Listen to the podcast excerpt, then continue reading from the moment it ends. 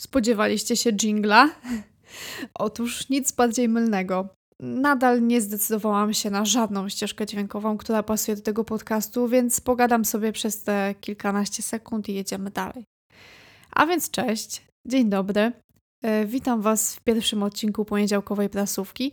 Ja nazywam się Ada i przygotowałam ten podcast z myślą, o tych, którzy w poniedziałkowe poranki chcą posłuchać sobie czegoś na luzie o marketingu z naciskiem na social media od czasu do czasu z dodatkiem o pracy zdalnej i różnych różnościach w zależności od tego, co aktualnie krąży mi po głowie.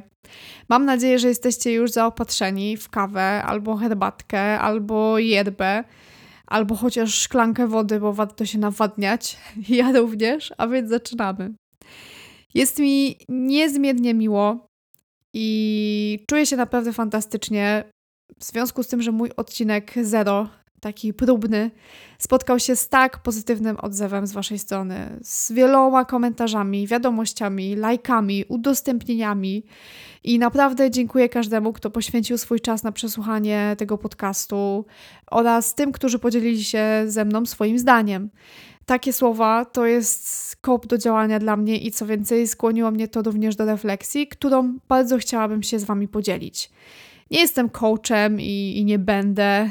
Nikt mi marzeń nie ukradł i sama nie zawsze chętnie wychodzę ze swojej strefy komfortu, ale przede wszystkim to jest mój podcast, więc sobie będę mówić, co mi się podoba, a po drugie, być może zachęcę Was do czegoś pozytywnego.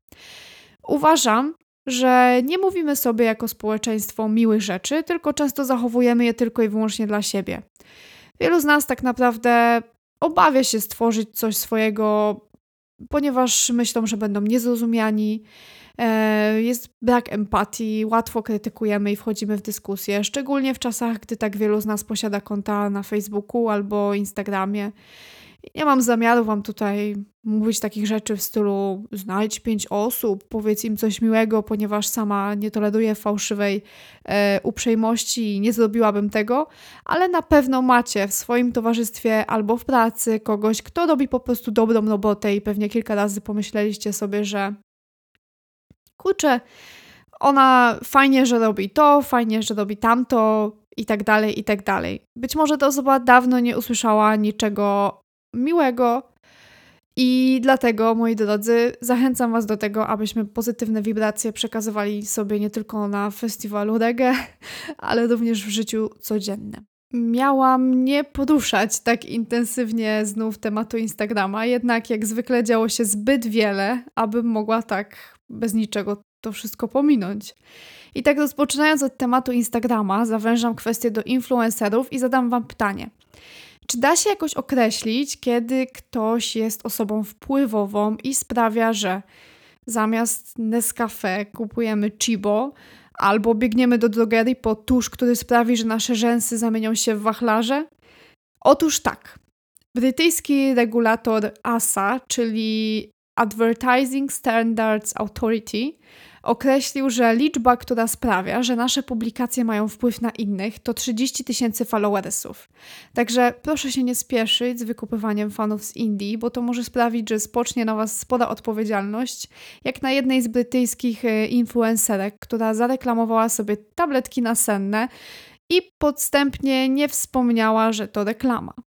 A takich rzeczy jak promowanie leków i środków niewiadomego pochodzenia robić no nie powinniśmy. Musimy brać stuprocentową odpowiedzialność za produkty, które promujemy.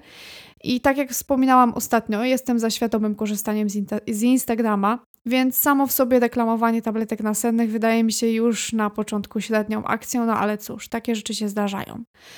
Jedną z wpływowych osób, które już dawno przekroczyły liczbę 30 tysięcy, jest Tamara Gonzalez, polska influencerka oraz myślę, że można już powiedzieć, że również postać telewizyjna, uczestniczka agenta, chyba, chyba nawet wygrała tego agenta, i tańce z gwiazdami. Aktualnie followersów jest u niej 673 tysiące, więc są duże szanse, że ją znacie. O ile sama Tamara wydaje mi się pozytywną osobą, to wzięła udział w pewnej akcji promocyjnej, która otrzymała sporo krytyki i wywo wywołała dużo kontrowersji. Czy kontrowersje były zamierzone? Tego nie wiem, chociaż myślę, że tak. Szczególnie, że w komentarzach aktywnie odpisuję zarówno krytykującym, jak i chwalącym i broni swojego pomysłu. E, jest to akcja promocyjna płynu do płukania Lenor. Na kilku zdjęciach widzimy butelki w najróżniejszych aranżacjach. Największą uwagę zwróciło zdjęcie, na którym Tamara organizuje domowy piknik, leży na kocu i czyta książkę, a obok pośrodku tego wszystkiego leży Lenorek, taki mały. Na początku go nie zauważamy, dopiero potem doznajemy olśnienia. Czytamy opis, w którym influencerka pisze, że dobry zapach, dobra książka i dobra lemoniada to podstawa, a jak pogoda nie fajna, to warto sobie zrobić w domu taki piknik i się zrelaksować. No i wiecie, spanie potrzebne.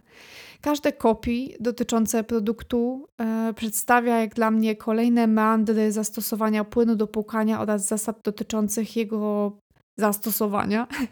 Ten jest dla romantyczek, jak nie jesteś romantyczna, to nie używaj, tylko wybierz ten drugi, bo to jest dla kocic, które wychodzą wieczorami na miasto potańczyć, a tamten trzeci przenosi cię na łąkę pełną kwiatów.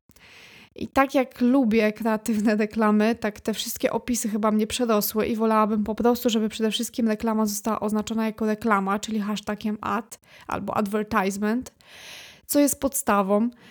A po drugie, czy płyn do pukania nie może po prostu ładnie pachnieć? Przecież nikt nie musi od razu pisać kup pan płyn, ale może o wiele lepiej napisać, że lubię jak ubrania pięknie pachną, ale lenory są super i, i sobie spróbujcie po prostu. No nie wiem, ale powiem wam, że cała reklama wkradła się do drugiego etapu lejka sprzedażowego w moim sercu i chyba pójdę sprawdzić te zapachy. Kupić nie kupię, bo wolę misia kokolino, ale mimo wszystko sprawdzę, czy rzeczywiście nie znajdę się przypadkiem na łące albo na pikniku z Lenorem. Wracając do tematu, uwielbiam social media właśnie za to, że nie są telewizją, a ta reklama jest dla mnie taka telewizyjna. Kojarzy mi się z inną, w której dziewczyna zasnęła na pięknie pachnącej pościeli, bo oczywiście został tam użyty jakiś płyn, yy, oczywiście konkurencyjny. Śniło jej się, że na Numaku przyjechał książę, a potem się obudziła. No, ale sny były piękne, prawda? A to wszystko oczywiście sprawka tego płynu.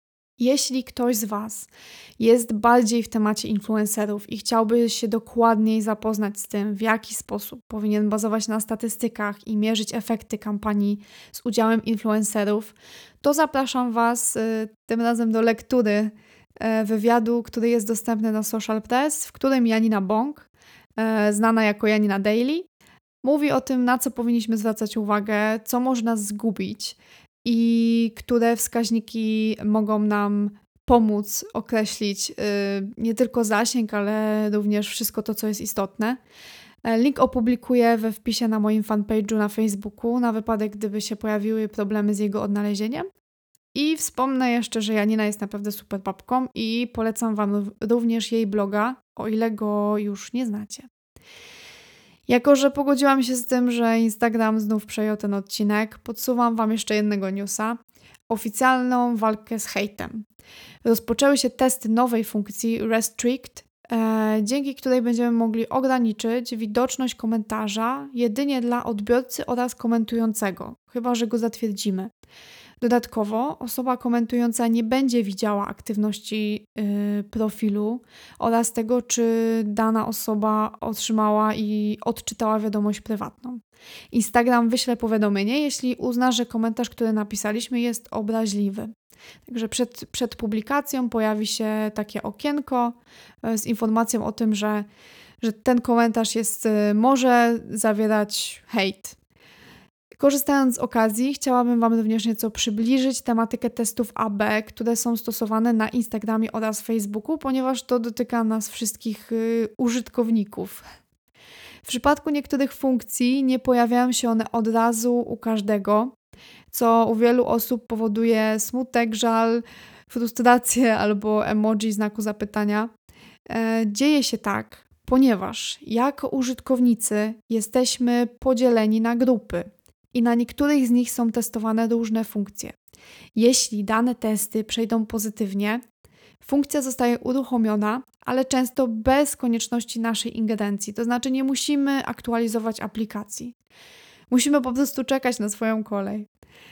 Chciałabym Wam powiedzieć, że to dzieje się tak, że Mark Zuckerberg, jak w bajce stoi przed jednym wielkim czerwonym przyciskiem i na przykład uruchamia u wszystkich tryb nocny na Messengerze, ale tak nie jest.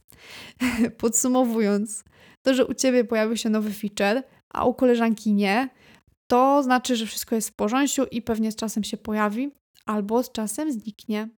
Bardzo jestem ciekawa, ilu z Was y, zna reklamę Allegro i którą kojarzycie najbardziej, bo myślę, że ta najsłynniejsza to jest ten taki typowy wyciskacz US, ta historia o dziadku, który uczy się angielskiego wraz z zestawem y, do nauki, oczywiście kupionym na Allegro, tak aby mógł potem porozmawiać ze swoją wnuczką, która nie mówi y, po polsku. Jest to jeden z owoców współpracy portalu z agencją Bardzo, już długoletnią współpracą, ponieważ wiele jest tam spotów o, o podobnej tematyce, o podobnym klimacie. Jednak tym razem Allegro postanowiło zmienić kierunek swoich działań i nawiązało współpracę z nową agencją która będzie odpowiedzialna zarówno za opracowanie nowej platformy komunikacyjnej, jak i za stałą obsługę w zakresie tworzenia kontentu digitalowego, czyli, czyli w zakresie spotów reklamowych. Jest to agencja Ogilvy, Ogilvy. E, start pierwszej kampanii jest zaplanowany na wrzesień. Ja czekam z niecierpliwością. Z pewnością Wam przypomnę, co tam się pojawi, ponieważ jestem naprawdę bardzo ciekawa, co tym razem wymyślą i jaki to będzie nowy kierunek. Chciałabym Wam na koniec również e, polecić bardzo inspirujący i wartościowy profil dla każdego tak naprawdę, kto mieszka w mieście. E, jest to dość enigmatyczna nazwa Pying. E, oznacza to tyle, co znalazłam, to walkę na torty, natomiast z tortami i ciastami nie ma on bardzo wiele wspólnego. Jest to profil Magdaleny Millet, która skupia się na architekturze miast oraz pomaga nam zrozumieć bardzo wiele ciekawych zagadnień urbanistycznych, z którymi często mamy styczność codziennie. I wraz z memami i pięknymi grafikami otrzymujemy ogromną dawkę wiedzy na temat y, układu poszczególnych konkretnych miast, ich historii, na temat też takich bardzo y, zagadnień ogólnych typu powódź, suche i mokre zbiorniki i wszystko, co jest tak naprawdę naokoło nas, na co mamy też częściowo wpływ jako społeczność lokalna, dlatego też warto jest być świadomym, wiedzieć, co jest dobre, a co jest złe.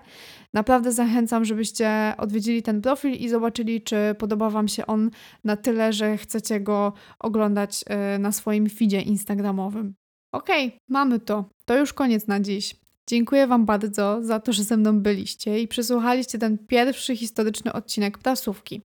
Linki, o których dziś wspominałam, znajdziecie na Facebooku Poniedziałkowa Prasówka. A jeśli chcecie otrzymywać informacje z przypominajkami dotyczącymi nowych odcinków, to będziecie mogli zapisać się do newslettera i zawsze wtedy, gdy wleci nowy podcast, wyślę Wam jakąś mailową laurkę, żebyście o mnie nie zapomnieli. Jeżeli są tematy, które Waszym zdaniem powinnam poruszyć, albo jesteście ciekawi, czegoś nie rozumiecie, to pamiętajcie, że zawsze możecie się ze mną skontaktować, również za pośrednictwem Facebooka. Życzę Wam bardzo miłego dnia, życzę Wam wspaniałego tygodnia i pamiętajcie, że nawet jeżeli w poniedziałek rano chcecie rzucić robotę, to musicie mieć pieniądze na to, żeby kupić sobie nowego Lenora. Słyszymy się za tydzień. Dzięki. Pozdrowienia.